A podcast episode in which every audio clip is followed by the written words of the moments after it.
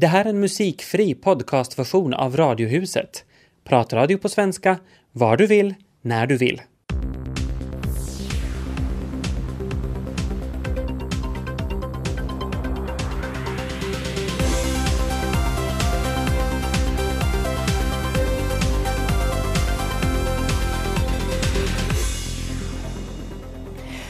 Klarar Salo av Nokias motgångar och nedskärningar? Och vad ska blåsa nytt liv i stadens näringsliv?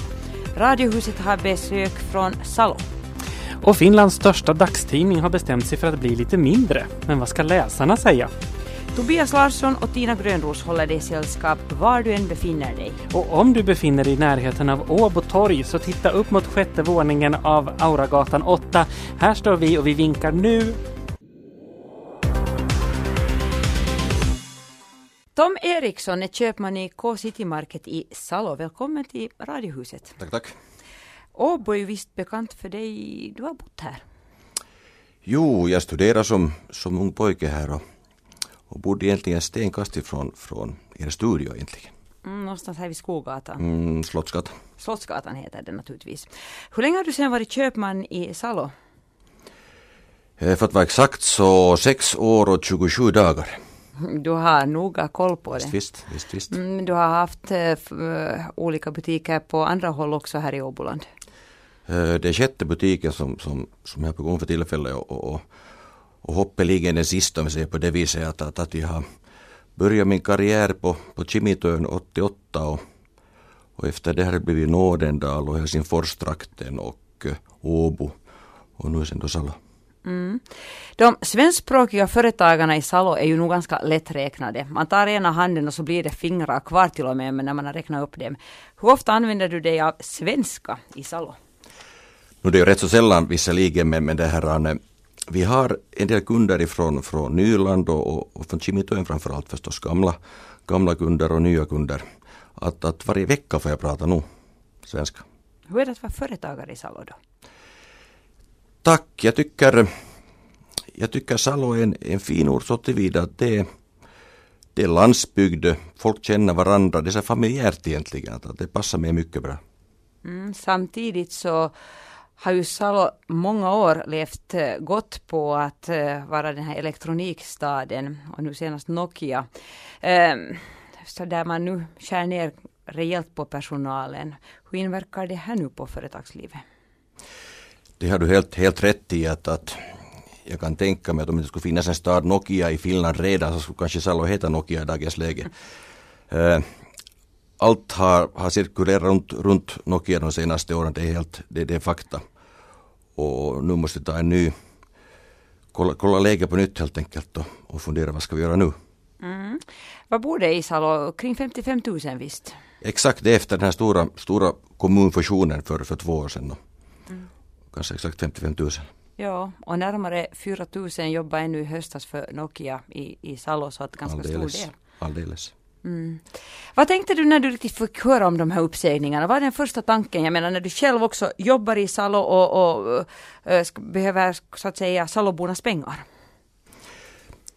No, vi måste komma ihåg det att, att, att jag säljer livsmedel.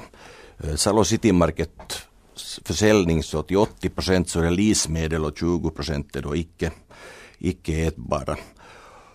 Och, och mig veterligen så kan folk inte låta bli att äta, inte lång tid i varje fall. Så det, det är förstås en, en, ett bättre utgångsläge men onekligen om man tänker på att, att eh, industrin står för, för cirka 70 procent av, av, av företagens omsättning i Salo. Så, så det blir kärva tider, det är, helt, det är fakta. På vilket sätt kommer det här att märkas i Salo? Eh, för att ge ett kort svar så skulle jag säga så att om, om tusen människor blir utan jobb över natten, av de här tusen så bor cirka 85 procent i Salo. Det betyder att rätt så många kommer att flytta bort, måste flytta bort helt enkelt. Vad som händer på, på, på husförsäljningsbranschen vet man ju inte givetvis. Eh, Eh, som jag redan tidigare sa så, så folk äter ju men vi ska säga all, all, all tung, tunga varor, typ bilar, elektronik och så vidare. De här måste tänka, tänka om helt enkelt. Mm, mm. Eh, vad kan man göra för att få ny fart på företagsamheten i Salo då? Eh, nu har ju, vi har ju den här så, Yritys Salo som, som, som ganska aktivt till och med kör företagarnas sak i Salo och, och, och, och, de har verkligen aktiverat sig den senaste, senaste halvåret. Ett jätte, jättefint arbete. Eh, bland annat tycker jag att de har, har på ett, ett positivt sätt eh, öppna Salostads portar ut mot världen, också ut mot, mot övriga Finland. Att jag, har en, jag tycker att eh, jag, jag trivs jättebra som köpman i Salo. Ibland har jag funderat på det att det finns en massa kunnande, en massa industrier som de gör jättefina saker. Men, men jag tycker de har varit rätt så dåliga på att marknadsföra sig själv och, och, och det kanske beror på det att, att, att allt har cirkulerat runt, runt Nokia, en massa underleverantörer bland annat. Och, och, och, och den vägen så har de inte helt enkelt behöva göra så mycket. Och där tycker jag att, att, just det här Yritys Salo gör en, en jättefin insats att de, de hjälper de här företagarna. Mm, så nu skulle det gälla för de här underleverantörerna att, att uh, rikta blicken kanske utanför Finlands gränser till och med. Nu vet jag ju att uh, Mellanöstern, alltså det fanns företagsledare från Mellanöstern som skulle visst besöka Salo förra veckan. Blev det av det där besöket? Jo, jag såg, jag såg nog ja. bilder i, i lokala tidningen. Just visst. det. Att det var bland annat irakier där och, och, och företag inom byggbranschen främst. Mm. Mm, på vilket sätt kan mm, ni nu dra nytta av varandra, Mellanöstern och, och Salo? Som K-köpman tror jag inte kan dra så mycket nytta av det, men, men det här, personligen alltså. Mm. Men det här, som jag sa, att det finns en massa kunnande i, i, i, i Salo. Och, och till föra ut allt det mm. utanför Finlands gränser. Jag tycker vi, har varit onödigt blyga egentligen, de flesta företagarna. Och allt, allt det som finns där så, så i Mellanöstern det finns en massa, massa uppbyggnadsprojekt där. Det är inte bara fråga om, om hus utan det är hela, hela infrastrukturen helt enkelt. Och, och det kunnandet finns definitivt i Salo också. Mm. Hur är sen konkurrensen mellan Salo och Åbo? Jag menar, städerna ligger ju så nära varandra, 50 kilometer. Eh, är det tillräckligt långt borta för att eh, Salo ska klara sig eller är Åbo och locka till sig mer företag och på det sättet också kunder, konsumenter etc? Jag tycker som, som livsmedelsköpman tycker jag givetvis att 50 kilometer räcker bra till. Eh, Åbo äh, drar inte kunder på, på livsmedelssidan. Ännu mindre Helsingfors som då är typ 80, 80 kilometer ifrån. Men eh, jag har en sån bild av Salo att, att, att den är rätt så företagarvänlig. Och nu då de dessutom aktiverar sig så, så jag tror att, att, att Salo klarar sig bra i den konkurrensen. Det finns liksom en, en, en, en mångsidig industri i Salo, fast det bara pratas om, om, om Nokia och, och mångt och mycket snurrar runt den. Så, så finns det mångt och mycket annat också. Mm. Det skulle gälla bara för dem att, att visa sig. Precis, precis, just det. Just det. Men vad tror du då, köpman Tom Eriksson, om Salos framtid? För några år sedan gick tio kommuner ihop, blev stora, bulliga Salo med 55 000 invånare och nu drar Nokia in på personalen och, och, och, och, det ser inte så bra ut. Men vad tror du? Jo, det där med kommunsammanslagningen så är ju en, en, en story för sig. Där skulle säkert många, många kommuner, kanske till och med regeringen för tillfället får många fina, fina tips hur det ska, hur det ska skötas. Eh, det är ju cirka två år sedan sammanslagningen skedde och, och, och, och, och visst är vi i barnskorna ännu på den sidan men, men om jag tänker som företagare i Salo så är det den fördelen att, att, att Salo är jättestort med, med sina 2200 kvadratkilometer. Det är en, en av de största städerna ytmässigt i, i Finland. Och det betyder det att, att, att, att folk måste in till centrum då typ minst en gång i veckan. Så, så dragkraften växer egentligen. Jag tycker det, det, är en, det är en sak som, som man märker redan nu. Mm. Så du tror starkt på Salo? Absolut, absolut. Det som jag sa tidigare att jag, jag tror och jag hoppas att jag någon gång i en framtid, i framtiden pensionerar mig därifrån. Det är min tanke. Så säger köpman Tom Eriksson. Tack ska du ha. Tack, tack. Igår meddelade Helsingin Sanomat att uh, de ska göra om formatet. Uh, de ska inte vara sån här stortidning längre utan de ska bli tabloid, alltså i samma format som kvällstidningarna. Äntligen, Ungefär. säger jag som, som de säger när, när det kungörs uh, diverse fina pris i Norge. Ja, mm. det kanske är fiffigt, jag, jag, vet inte. De är ju Finlands största tidning och nu ska de bli lite mindre då. Eller mm. största dagstidning åtminstone.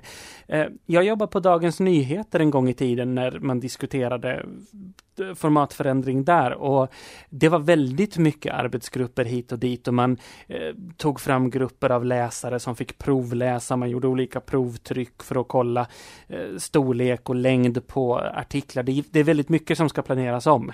Man mm. måste skriva en annan längd på artiklar och ha en annan storlek på bilder och sånt som kanske inte Eh, liksom läsarna tänker sådär jättemycket på i första hand. Uh, för det är jättekänsligt därför att det läsarna först och främst ville ha var en tidning som såg ut som de var vana vid. Mm, ja, men det här där, allt eh, håller jag med om. Jag kommer ihåg också i tiderna när, när till exempel Husis la om sin tidning och blev mindre i storlek, alltså gick ner i format. Och, och, och, det, och då kändes det ju först lite som man skulle också ha förlorat sidor, alltså som prenumerant att hej, att att, att nu blir det mindre att läsa men jag tror jag det egentligen? Och så mycket bekvämare måste jag ju säga. Jag tycker ju faktiskt att Hesari Helsingin Sanomat är väldigt otymplig, väldigt obekväm att läsa oberoende fast det är hur många sidor som helst som man sen kan ta till godo och vända och nu sätta en, en bilaga åt sidan och så tar man upp en annan och, och det nej, jag, jag klarar inte av det. Hur gick det för dig när du skulle läsa DN i tiderna? Jag lärde mig, jag blev lite av en expert på det. Jag kunde alltså sitta på en fullsatt tunnelbana och läsa DN utan att störa mina grannar. Det handlar bara om att vika och vika och vika och vika, som någon slags tidningsorigami ungefär. Eh, så blir den tillräckligt liten och så kan man läsa så. Eh, en kollega kollega till mig sa att det absolut bästa med stora DN är att det räcker med ett enda söndagsnummer om man ska måla om köket. För det täcker allt, hela golvet och, och allting sånt. Ja. Men i alla fall, från årsskiftet så blir det nytt format för Helsingin Sanomat. Då blir, det, då blir den betydligt mindre och det här har man då planerat länge eftersom det är, det är jättemånga komponenter som ska ändra. Så det blir jättemycket tjockare nu sen? Ja, kanske. Mm. Det blir som en liten pocket. Uh, i alla fall så för det det fina med sig att eh, de som eh, prenumererar på Helsingin Sanomat eh, och som har funderat på att möblera om där hemma. Nu kan ni klara er med ett betydligt mindre köksbord. Både tidning och frukost kommer att rymmas i alla fall.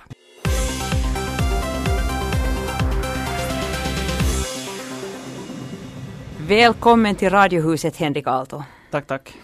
Din bok Bara lite småskoj handlar om skolmobbning. Varför har du valt att skriva den? Jag valde väl lite fel ord, den valde mig. Att det var ett, ett behov jag kände inom mig. Att jag hade ett, ett enormt mörker och det, hela började i, av en slump, tack till Peggy Lindebäck här för, för det här. När jag gick i Karis i VNF så, det här, så upptäckte jag när jag mådde illa när jag skrev ner mina tankar, att det hjälpte. Och det här, och så småningom så blev det, började jag skriva dikter om, om, om det här, om ångest och så vidare. Och, och eventuellt så växte det här behovet. Och sen till sist märkte jag att nej, det här räcker inte mera. Att kanske det sen hjälper om jag istället får ut allting på en gång. Och det var då som tanken om att skriva en bok vaknade. Mm. Och första idén var, jag hade aldrig tänkt publicera den, utan det var närmast som en form av självterapi. Att bara få ut det. Mm. Hur är den skriven? Den är, går i kronologisk ordning, första person. Den är skriven så som jag har upplevt det helt enkelt. Att det, det är som en memoar. Att det som nu sen till sist blev publicerat så är ju en ganska kraftigt nedskuren del av boken. Att, att jag skrev ju mina minnen från, redan från tiden i Singapore fram genom hela högstadiet och gymnasiet och sen långt in i, in i åren efter. Och, och det här, sen var det min mamma som sa att stoppat. Att det här är nog väldigt intressant men nu har du redan liksom kommit bort från själva ämnet. Och då mm. fokuserar vi oss på just högstadie och gymnasietiden. Och det som sen blev publicerat var just högstadietiden. Mm, och det var ju där det hela startade när ni kom hem från, från Singapore. Så, och flyttade hem så att säga igen så blev du väldigt illa mobbad. Ja, alltså till en början. Det, Jag, jag vill tro att det var ett, kanske ett litet missförstånd, för jag var väldigt blyg och tillbakadragen redan då som liten. Och jag, är lite, jag har en liten aning om att det kanske misstolkades som arrogans. Och, det här, och då måste jag ju sättas på min plats. Mm. Plus sen att jag var ju, jag var ju rund och, och det här han var inte så där väldigt bra i idrott redan då. Så, så sen, sen hittade, när de hittade ett klassiskt mobbningsoffer, den tjocka killen som inte riktigt kan. Så det här han. Var det pojkar som mobbade då? Mestadels ja. Mm. Du berättar ju aldrig egentligen för någon att du blev mobbad. Nej, nej. Varför inte? Det var inte, en, det var inte naturligt att göra. Och jag tror att det fortfarande än idag är så att, att när man hamnar i en sån situation så rent instinktivt så försöker man klara sig genom det ensam. Man måste kunna bevisa att man tar hand om sig själv. Och, det här, och sen när det inte lyckas så blir ju den där depressionen ännu värre och situationen blir ju ännu sämre. Och, och det här, men som tur är så tror jag att det har lite ändrat nu. Mm, ja, attityderna. det just ska vi dra oss till minnes, vilka årtal talar vi om nu? När Ja. var det du blev mobbad? Vi flyttade hem 1985, så Mm. det är 85 till 88. Mm, mm, mm. Och efter det har det flutit mycket vatten. i Jo, ån. ja, jo, ja. Mm, mm. Hur vanligt tror du faktiskt att eh, det var på den tiden att man som mobbad inte berättar för någon? Jag tror att det var det normala. Mm. Att, att det, det, det fanns inte några kanaler på det sättet och, och, det här, och lärarna hade inte heller samma verktyg. Det diskuterades inte om mobbning. Det var en sån här sak som bara accepterades att det här finns. Och, och det kan vi ingenting åt. Så det accepterades? Det är på sätt och vis, ja. Eller liksom inte vet jag, accepteras är väl lite fel ord. Man helt enkelt inte visste, man visste inte hur man skulle hantera det. Så man valde att inte se mobbningen Ja. Ja. Som, som vuxen. Mm. På vilka sätt blev du mobbad? No, mestadels var det just utfrysning och, och sånt här skällsord och, och kommentarer om, om mitt utseende, om mitt agerande. Och det här um, skolarbete också, man fick inte vara för bra i något ämne. Och sen om man var dålig i någonting annat så, så lyftes det sen fram ännu mera. Att till exempel finskan förlorade ju väldigt långt när vi bodde i Singapore. För jag, jag bodde där i två och ett halvt år, gick i en internationell skola där vi snackade engelska. Och hemma pratade vi svenska. Och, och vi hade finska konsulatet ordnat två timmar i veckan. Det var en timme geografi och en timme äidinkieli. Men, men det räckte ju inte. När man inte talar finska normalt i vardagslivet. Så när, när jag kom hem så hade, från att ha pratat flytande finska så hade det försvunnit. Jag, jag pratade som en, en, nästan som, som jag skulle flytta från Sverige eller någonting. Att det, det var otroligt mycket jag hade förlorat. Första vitsordet jag fick var en femma i första provet Mm. i finska. Och det här vill jag lyfta ett stort tack till, till Helena Nihtilä i gymnasiet. För det var hon som lyfte mig. Och hon som faktiskt åter, för jag kunde nästan fel, för jag hade min bästa vän då innan vi flyttade var, var vår granne som var finskspråkig. Mm. Men du upplevde faktiskt att du blev mobbad också på grund av att du inte kunde finska? Ja. Mm. Ja. I vilket skede insåg du att du inte kunde fortsätta så här, jag menar under högstadietiden, att du blev mobbad, mobbad mycket ö, ö, psykiskt men också fysiskt med slag, så att du måste komma från dina mobbare. När, när kom du på det? Det, det var på nian. Och det var, det var efter att min, min mamma avbröt mitt andra självmordsförsök. Och, det här, och då, då, hade, då stod jag i, i ett sånt vägskede att, att nu måste jag välja. Att vilken dera vill jag? Att ska jag fortsätta med ångesten och med hatet eller ska jag börja slåss tillbaka? Att, att har jag rätt att kräva ett liv eller inte? Och, och delvis så var det den där obotliga inre optimisten som, som sa att, att nej fan, att nu ska du, nu, nu får det vara ett slut med det här. Att, tredje gången så kan vara gilt, att då, kan, då har du ingen återvändo mera, men att nu har du ännu en chans. Och då började jag att slåss. Jag slog tillbaka. Och sen fick jag ju genast ett nytt namn, att jag, sen började jag heta Fat Attack. Mm. Det var ett sätt det också att... Det var ett sätt det också. Mm. Och det, det var så här, så här som efterklok kan man ju säga att, att det var ju inte rätta sättet. Att våld är aldrig en lösning. Det, det är ett språk alla förstår men, men i det långa loppet så ger det absolut ingenting. Och när nian var slut så, så hatade jag mig själv mer än någonsin för jag hade ju blivit någonting jag egentligen inte var. Och det här. Men, men på det sättet fick jag då sluta. Sen när man började gymnasiet med samma typer så, så var det ju sen ändå någonting hade ändrat. Att sen fick de andra intressen och, och jag blev inte utsatt på samma sätt sen mera. Mm. Den här självmordsförsöken, hur allvarliga var de på riktigt? Nu, om vi säger så att det andra så, så då hade jag värmt upp mina handleder och jag stod med rakblad i handen och, och, och det här. Då kom min mamma hem. Och det var då hon också egentligen första gången vi fick reda på att Nej. du blev mobbad? Nej. Hon hade haft det på känn tidigare?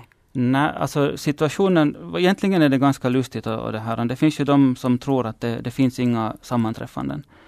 För hon, hon jobbar som, som det här en bokförarska och var timlönanställd. Och det här, hon berättar senare, jag skrev en, nämligen en uppsats om det här på tvåan i gymnasiet. Och det var första gången hon fick reda på att jag hade varit mobbad. Och hon berättar senare att, att hon hade ingen aning om att det var så allvarligt. Men just den dagen så hade hon haft en konstig känsla av att nu är någonting på tok. Och på jobbet så råkade hon just den dagen ha en sån situation att hon hade inte någonting att göra. Så hon for till sin chef, sa att jag har ingenting att göra, får jag få hem tidigare? Och han var okej. Okay. Och hon sa att den där känslan släppte i samma ögonblick som hon kom hem och jag kom ut ur badrummet. Så hon avbröt någonting som hon egentligen inte visste då vad det var fråga om, utan Precis. fick reda på först Precis. flera år senare. Och det här, jag var ju rödögd, jag hade ju gråtit som fan och, och det här. Och sen, sen frågade hon förstås att, vad, är det, vad, vad är det som har hänt? Mm. Och så sa jag det första jag kom att tänka på, att jag, att jag, jag fick lite sand i ögonen när jag kom hem. Och då tog hon ju ficklampan fram och började titta och så här och, och jag hade lust att skrika att, att, att det finns ingen sand, att jag ljuger. Men, men jag kunde inte. Mm. Man, man, man, jag skämdes. Jag ville inte att hon skulle veta. Mm. Radiohusets gäst eh, är alltså Henrik Aalto som har skrivit boken Bara lite småskoj som handlar om skolmobbning. Du har Henrik som vuxen besökt skolor och berättat om din egen skoltid. Och hurdan respons har du fått? Alldeles otrolig. Det, I mina vildaste drömmar så hade jag aldrig kunnat föreställa mig något sånt. Att det här, från att ha gått från att inte ha någon förhoppning om mänskligheten överhuvudtaget, så har jag nu börjat ändra mig. Att, att nu, de där ungdomarna, så de, de besitter nog ett, ett intellekt och, och, förstånd och hjärta som jag inte har sett tidigare. Mm. Att, att det här, de lyssnar och de, man ser på dem att de tar åt sig. Och, och jag tror att det, har en, det, det baserar sig kanske lite på det här med ömsesidig respekt. Att när jag håller mina föreläsningar så det är bara jag. Jag har inga rekvisit, jag har ingen rekvisita. Utan jag talar från hjärta. Och jag, jag respekterar dem i och med att jag litar på att de lyssnar och att de förstår. Och det här har fungerat. Att, att man ser på dem att, att, att budskapet går hem. Att till exempel, jag, jag har tappat räkningen hur många gånger efteråt som lärarna har kommit fram och sagt att, att de här eleverna har aldrig varit så här tysta förut. Och, och, jag kommer ännu ihåg första gången någonsin så var i Ekenäs 14 oktober 2009. Och det, här, och det var också hittills största publikmängden, det var runt 200 människor som var där. Och, och det var knäpptyst i den där salen. Man skulle kunna höra en nål falla på golvet. Och, och, det här, och efteråt så, så de hade, det var sån mobbningstema hela dagen. Att Kjell Wester var där och snackade och så var det Gun Andersson från Folkhälsan. Och det här, vi var de här tre yttre experterna. Och sen hade det, var det matpaus och sen fick de samlas och, och diskutera i grupper. Mm. Och efteråt så var en av lärarna att, att, att de har haft den samma temadagen nu var det, var det tredje eller fjärde gången. Och det var första gången som eleverna talade i första person om sina egna erfarenheter. Att före det så hade det bara varit så allmänt att, ja, att jag har hört talas om att och så här kan det vara. Och, Mm. Och sen glömmer jag aldrig, det var en ung kille. Sen när vi satt där och, och, och liksom drack kaffe då till sist. Då, så var det en ung, ung pojke som kom fram och berättade att han hade varit mobbad i nio år.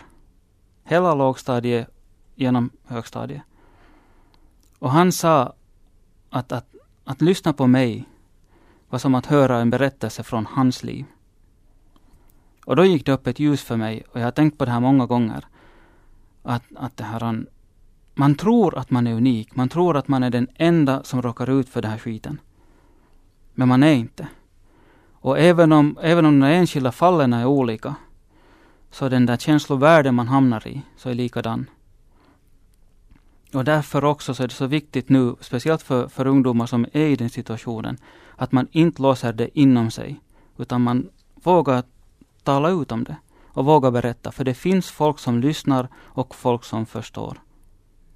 Vilken är, Henrik, din inställning till det här antimobbningsprojektet Kiva skola som finns ju nästan överallt nu? Funkar det? Jag tycker att den funkar. Mm. Jag, det, det jag har hört, att, och det är ju förstås det är ju en fråga om hur man tillämpar det. Att det här, vissa skolor har kanske inte samma resurser och, och, samma tid och samma benägenhet och samma vilja att genomföra det här Kiva skola-projektet. Men, men som grundmaterial så är det ju väldigt, väldigt bra. Och det är ju, det är ju professor Salmivalli som, som just står bakom det, så, så hon har gjort ett väldigt bra arbete i, både i forskningen, i bakgrundsforskningen när, hon, när de förberedde det här programmet och sen i genomförningen av övningarna. Att det här, då, då när jag deltog i det 2005-2006, så då var det ju ett sådant ganska tidigt stadie ännu. Och, och, det här, och då var ju den här åldersgruppen var ju närmast just högstadieelever. Mm. Men att efter det så har det ju sen liksom successivt, som jag har förstått det, så har det liksom utvidgats. Att det, det, tanken är ju att eventuellt någon gång i framtiden så, så ska man ha Kiva-skola med från början, från lågstadien. Då. Och att då ska barnen lära sig från första början att, att det har en vissa beteendenormer så är inte acceptabla. Och att det, det är en rikedom att folk är annorlunda. Mm. Var får man tag på din bok, bara lite småskoj? Via Folkhälsan. Man kan beställa den och, och jag har just gjort en beställning. Jag, fick, jag har fått stöd av kultur, Svenska kulturfonden och, och jag beställde just en, en 470 böcker till. Att det här, men direkt från Folkhälsan. Att Gun Andersson så har jag jobbat mest ihop med och mm. Tove Ajalin en annan. Och kan, kan beställas från Åbo och Helsingfors var som helst. Hur skulle din egen ungdomstid ha sett ut om det skulle ha funnits en Henrik Aalto som skulle ha besökt din högstadieskola då när det var som värst och jäkligast och berättat om mobbning och kanske dessutom gett ut en bok om mobbning? Alltså jag vill ju tro att, att det skulle ha sett annorlunda ut. Mm. Och, och, på basen av, av den elevrespons jag har fått så kan jag också tro det. Att det här, om man blir riktigt hypotetisk så skulle det ha funnits en Henrik Aalto så skulle inte jag sitta här nu. Men att de eleverna som, alltså efteråt, när jag hållit föreläsningarna, så har de flera gånger kommit fram och sagt att det här var den bästa föreläsningen någonsin. Och det här, jag tror att det har gett dem både hopp och mod att orka fortsätta. Den berör så många fler än vad man skulle kunna tro. Delvis därför. Tack ska du ha Henrik Tack själv. Idag har varit en av de mer spännande dagarna i mitt liv. Det är nämligen så här att ähm, efter närmare sex år så slutade jag snusa igår. Inte helt sådär pang på rebetan sluta snusa utan jag tog hjälp av ett, ett läkemedel som, som ersätter det helt enkelt. Inte med nikotin men med något vetenskapligt mambo och jumbo, jag är inte så, så noga räknad. Så jag har funderat ganska mycket på det här med beroende här de här senaste tiderna. Jag trodde nämligen inte att jag var beroende av snus, utan för mig så var snus väldigt länge en politisk handling. Det handlar om liberalism, det handlar om, om rätten att välja själv och att staten nu inte sådär jätte, jättemycket skulle blanda sig i och det jag sysslar med. Men här under våren, jag vet inte exakt vad det var, men här under våren så så kom jag till insikt att det kanske nu också händer att, att jag faktiskt har ett nikotinberoende. Eh, det här är ju någonting som har tutats ut åt mig ända sedan jag gick i grundskola, att nikotin är beroendeframkallande, om du använder nikotin blir du beroende, det är som knark, ah! Men äh, jag har alltid valt att inte tänka på det. För mig har snus alltid varit en politisk handling, inte ett beroende. Beroende är lite sådär som Ja, ni vet, i varje familj, i varje släkt så finns det alltid det här svarta fåret. Jag vet inte varför man kallar det svart, men, men det finns alltid det här svarta fåret. Det kan vara en person, det kan vara en händelse, det kan vara en hemlighet, det kan vara eh, ett oäkta barn eller någonting i den här stilen. Någonting som alla i den familjen, alla i den släkten vet om och som man lite sådär på kräftskivan eller, eller i fyllan ute på villan kanske lite kan beröra, lite antyda att ja, jag vet ju nog om det här och det. Vi vill inte prata om det. Någonting man inte vill prata om. Nå, för mig har det här nikotinberoende varit det där svarta fåret, den här lilla skamfläcken. För jag har alltid tyckt att, att ta med muffa, relativt fiffig brukar jag väl räkna mig själv vara. Nu vet jag ju bättre än att, att vad heter det, tro att nikotin inte är beroendeframkallande.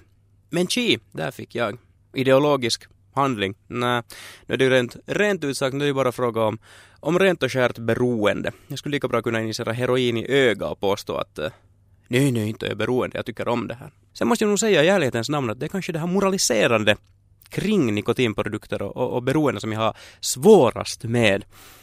Den läkare som skrev ut det här läkemedlet som, som hjälper mig sluta med snuset, så hon var, hon var väldigt, väldigt, väldigt moraliserande. Inte handlar det om moral, hälsa eller beroende för mig inte. I, i ärlighetens namn måste jag medge att det handlar om pengar. Det är det som motiverar mig i den här frågan. Mitt snusbruk i månaden kostar ungefär lika mycket som eh, ja, min amortering på bilen. Och då är det ju bara helt enkelt att välja. Hur som helst, nu har jag valt att sluta snusa från och med igår. Faktiskt har jag varit snusfri. Dagens lunch var en mycket, mycket spännande upplevelse. När man är som sagt i sex år varit van att få en liten, en liten prilla till kaffet. Inget sånt idag, däremot en hel del bananchips. Torkade bananchips. Jag har bara ätit en halv påse sånt ännu. Vad är nu 250 gram bananchips på en dag? Inte du som jag skulle vara beroende av dem direkt inte. Jag heter Ted Urho och ibland bara undrar jag. Danmark har ju ganska mycket turistattraktioner, succéer under bältet, saker som gör Danmark känt i världen. Eh, en av de saker som gör Danmark mest känt i världen är ju faktiskt Lego, en av världens mest kända leksaker. Mm. Lego är danska från början, Leg Got, Visste du det? Det visste jag. Jag mm, har ju ja. barn så jag har läst in mig på det. Mm. Precis. Uh, och, och, av Lego så har man fått Legoland. Det är ju också ganska känt den här nöjesparken, attraktionsparken där man bland annat har byggt miniatyrer av allt möjligt av just legobitar. Uh, och det är Lego på längden och tvären och åt alla riktningar. Dit har man nu bestämt sig för att trotta 17 livslevande pingviner. Ja, det frågar jag mig varför. Ja, varför? Men, men man ville väl ha någonting som levde också. Man har fått 17 stycken eh, pingviner från Edinburgh där det tydligen lever och frodas en stor pingvinpopulation som man hade till övers. Eh, för att de här pingvinerna inte ska känna sig ensamma så ska de få sällskap av isbjörnar. Eh, fast det är lite farligt då för isbjörnar äter nästan vad som helst så för pingvinernas skull så isbjörnarna ska göras av lego. Får jag fråga en sak av dig? Vet du varför isbjörnen inte äter pingvin? Därför att de bor på varsin pool. Ah, kunde det! Isbjörnar på Nordpolen, eh, pingviner på Sydpolen. Eh, men om de var tillsammans i Legoland så skulle de äta upp varann. Eh, så isbjörnarna blir av lego, tryggare för pingvinerna, säkert också för besökarna Hanskarna. också. Välkommen till Radiohuset, Yrsa Neumann, forskare eh, i filosofi vid Åbo Akademi. Eh, filosofi, det kan kanske kännas som ett lite abstrakt ämne för många. Eh, för någon som inte vet, hur skulle du förklara, vad är filosofi? Jag skulle säga att filosofi är, är ja, Ja, vi vet ju att det här är just en sån här två veckors diskussion ungefär. Alltså vad, vad filosofi är också en filosofisk fråga faktiskt. Så att man kan, man kan, eh, och det finns, tror jag, många olika svar som man kunde ge på det här. Men en sak som åtminstone är säker är att filosofi handlar om att, att undersöka begrepp. Och begrepp är då någonting som som, våra tank, som utgör våra tankar kan man säga. Nu förenklar jag så att det här är inte som fackfilosof. Alltså, jag skulle få en hord av fackfilosofer på mig nu om de, om, om de mot förmodan just nu sitter och lyssnar på radion istället för att läsa böcker. Eller diskutera. Ja, eh, så medan våra tankar fungerar ju också i, i begrepp i en viss eh, mening. Så att, att det är de här, det här som vi undersöker, alltså filosofin undersöker tänkandet. Vad har filosofin betytt för dig?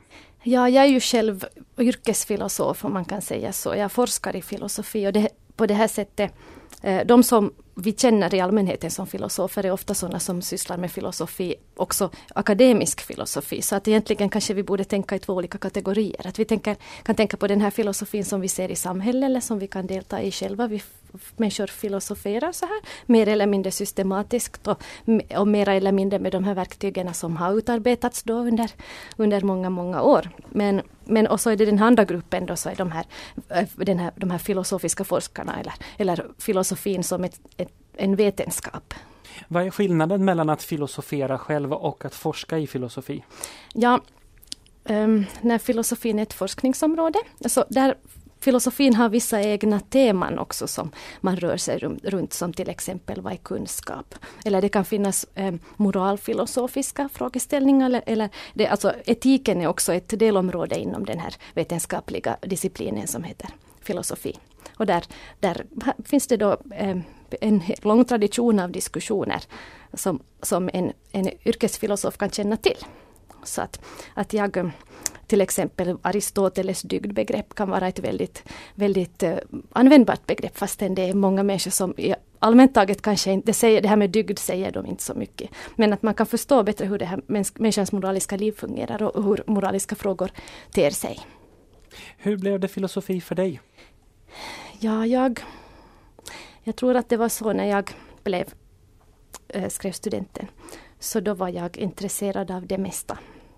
Och jag hade väldigt många olika saker som jag kunde tänka mig att, att um, lära mig mera om inom mina studier. Och sen, sen så, så kom jag till Åbo och började studera filosofi och så blev jag fast. För att jag förstod att det här är verkligen intressant. Och att, att eh, filosofin är kopplad till, till egentligen, det finns ju bland annat en del disciplin som heter vetenskapsfilosofi. Och här bland annat så är den kopplad, kopplar sig filosofin, eller, eller de andra vetenskaperna kan vi säga, kopplar sig till filosofin. Och det där, om man är intresserad av väldigt många olika saker så då är filosofi ett riktigt bra val. Men om man nu tycker att filosofi känns lite eteriskt och lite stort och svårgreppbart, hur skulle man kunna tillämpa ett filosofiskt synsätt på sin vardag? Ja, den är svår.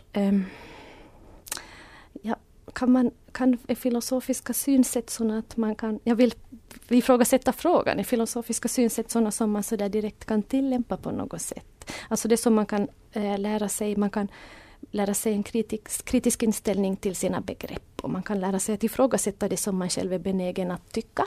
Så kan man ju reflektera över det. Det här kanske så att, att filosoferandet är kanske mer ett görande än, än ett synsätt som man bara kan ta till sig och sen börja använda. Så att, att det är lite svårare än så att, att komma åt filosofin. Eller det, Men att börja ifrågasätta sina, sina egna begrepp, hur, hur gör man det? Um, ja, vad ska, nu har jag inte ett bra exempel med mig. Um, men ja, jag tror många frågor, kanske samhälleliga frågor. Um, så är det så att man kan, man inser man kan, hmm, man kan kanske börja diskutera varför man tycker på ett visst sätt. Alltså det här låter ju som, som psykologi, alltså psykologisk diskussion. Medan eh, om, om ett sånt här exempel till exempel om jag eh, eh, om jag om man talar om kärlek så kan man diskutera om man kan uppfatta den som, som ehm, man älskar som löjlig samtidigt. Är det här två begrepp som verkligen går ihop till exempel? Om man, om man själv skulle börja tycka att det, alltså, jag skulle säga att de utesluter varandra. För att kärlek, då kan man inte på samma gång uppfatta den som man, man älskar som det, alltså det är ett, ett tillfälligt och det är lite fånigt sådär men att verkligen verkligen helt och hållet uppfattar den som löjligt så då har nog kärleken tagit slut. Här, här tror jag att det är två begrepp som, som sett ur en viss, alltså man renodlar de här begreppen så då utesluter de varandra. Och det här, man kunde ju tänka sig att någon som behandlar eh, sin närmaste på ett sånt där, alltså som om den uppfattar den som löjligt så kanske man kan säga att där är någonting lurt. I det där. Men jag tror inte filosofer kan inte gå in och ge terapi så där, men jag, jag försökte nu slänga ut ett exempel här på något där begrepp krockar med varandra. Mm. Mm. Uh, du har varit med och startat den finlandssvenska filosofiportalen. Vad är syftet med den? Uh, det, ja, jag kanske börjar så här. Uh, det, de flesta vet ju att internet är fullt med skräp. Ja. Och, riktigt ordentligt skräp också. Det är svårt att hitta fram till sånt som har någon kvalitet där. Men den här portalen, dels så tycker vi att filosofin ska finnas, det är ju där som man börjar söka, man kanske inte går till Bibban direkt och börjar titta där, utan det ska finnas filosofi tillgängligt på nätet, men det ska också vara lite mera en sån här eh, ja, man har sina egna spekulationer eller sånt här rent politiskt tänkande eller olika bloggar. Så att vi har försökt samla eh, på ett ställe på nätet där man kan gå in och så har vi också digitaliserat ganska, material, ganska mycket material för att filosoferna har ju i Finland till exempel varit, som i alla andra länder eh, i Europa, filosofi är ju ett ganska europeiskt fenomen. Och det, eller det här kan man diskutera. Eh, och, och eh, de har varit viktiga delar av kulturlivet så, att, så att det här är också intressant för andra människor tror jag, att, att titta på vad de här filosoferna har hållit på med.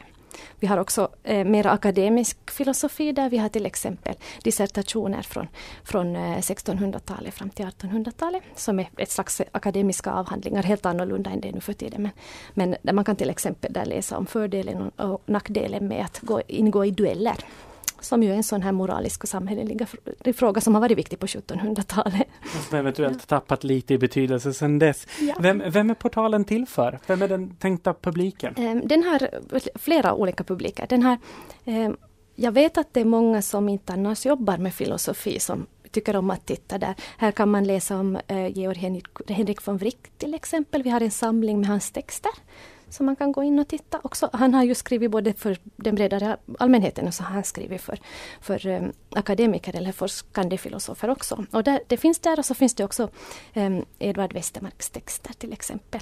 Och så finns, finns det en hel, hel sån här, uh, ett persongalleri med ganska intressanta figurer faktiskt. Och så finns det ett filosofiskt uppslagsverk. Och det här på svenska då tillgängligt och gratis för alla. Och det här är användbart för de som går i gymnasiet, som, som Eh, läser filosofi i gymnasiet. Så att det är de som är allmänt intresserade av olika kulturpersoner. Det finns foto, foton också av de här snubbarna. Eh, de är ju snubbar, det finns några damer. Men... Varför är det så? Varför är framstående filosofer herrar? Jag tror att det det är, inte så, det är inte så längre. Men det har varit så. Alltså det är ju som med alla andra, alltså alla andra forskare har ju också varit herrar. Det är bara det är bara den vägen som det går. Det har varit en sån plats som de har. Men det finns också, alltså den, här samlingen funkar ju också för forskare. Så vi har um, en del av de här samlingarna som vi har digitaliserat är ju sånt som forskare kommer att syssla med. Och nu är det tillgängligt för dem, det som de inte annars skulle hitta fram, hitta fram till.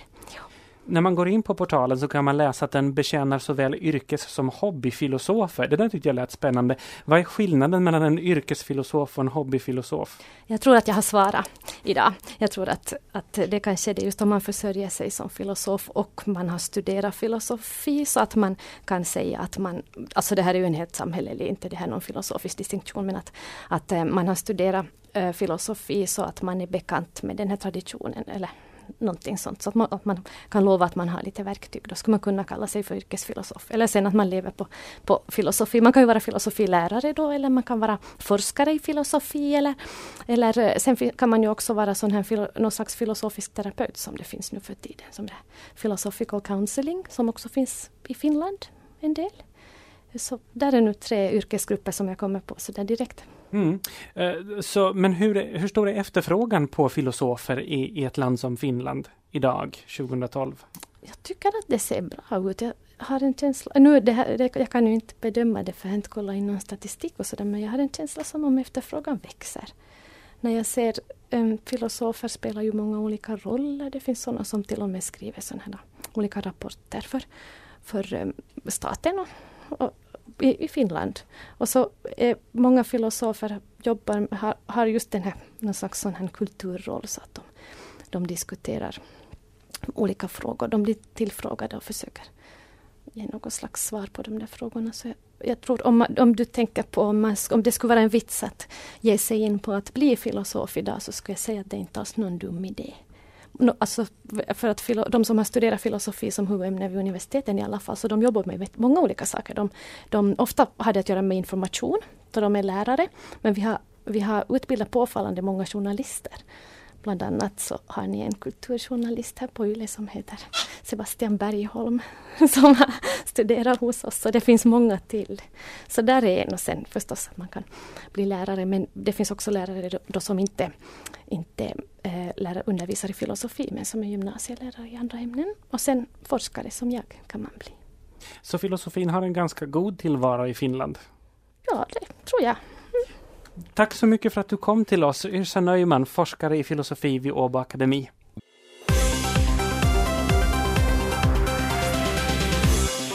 Det här var en musikfri podcastversion av Radiohuset som sänds i Radio Vega måndag till torsdag. Mer information om programmet hittar ni på svenska.yle.fi radiohuset.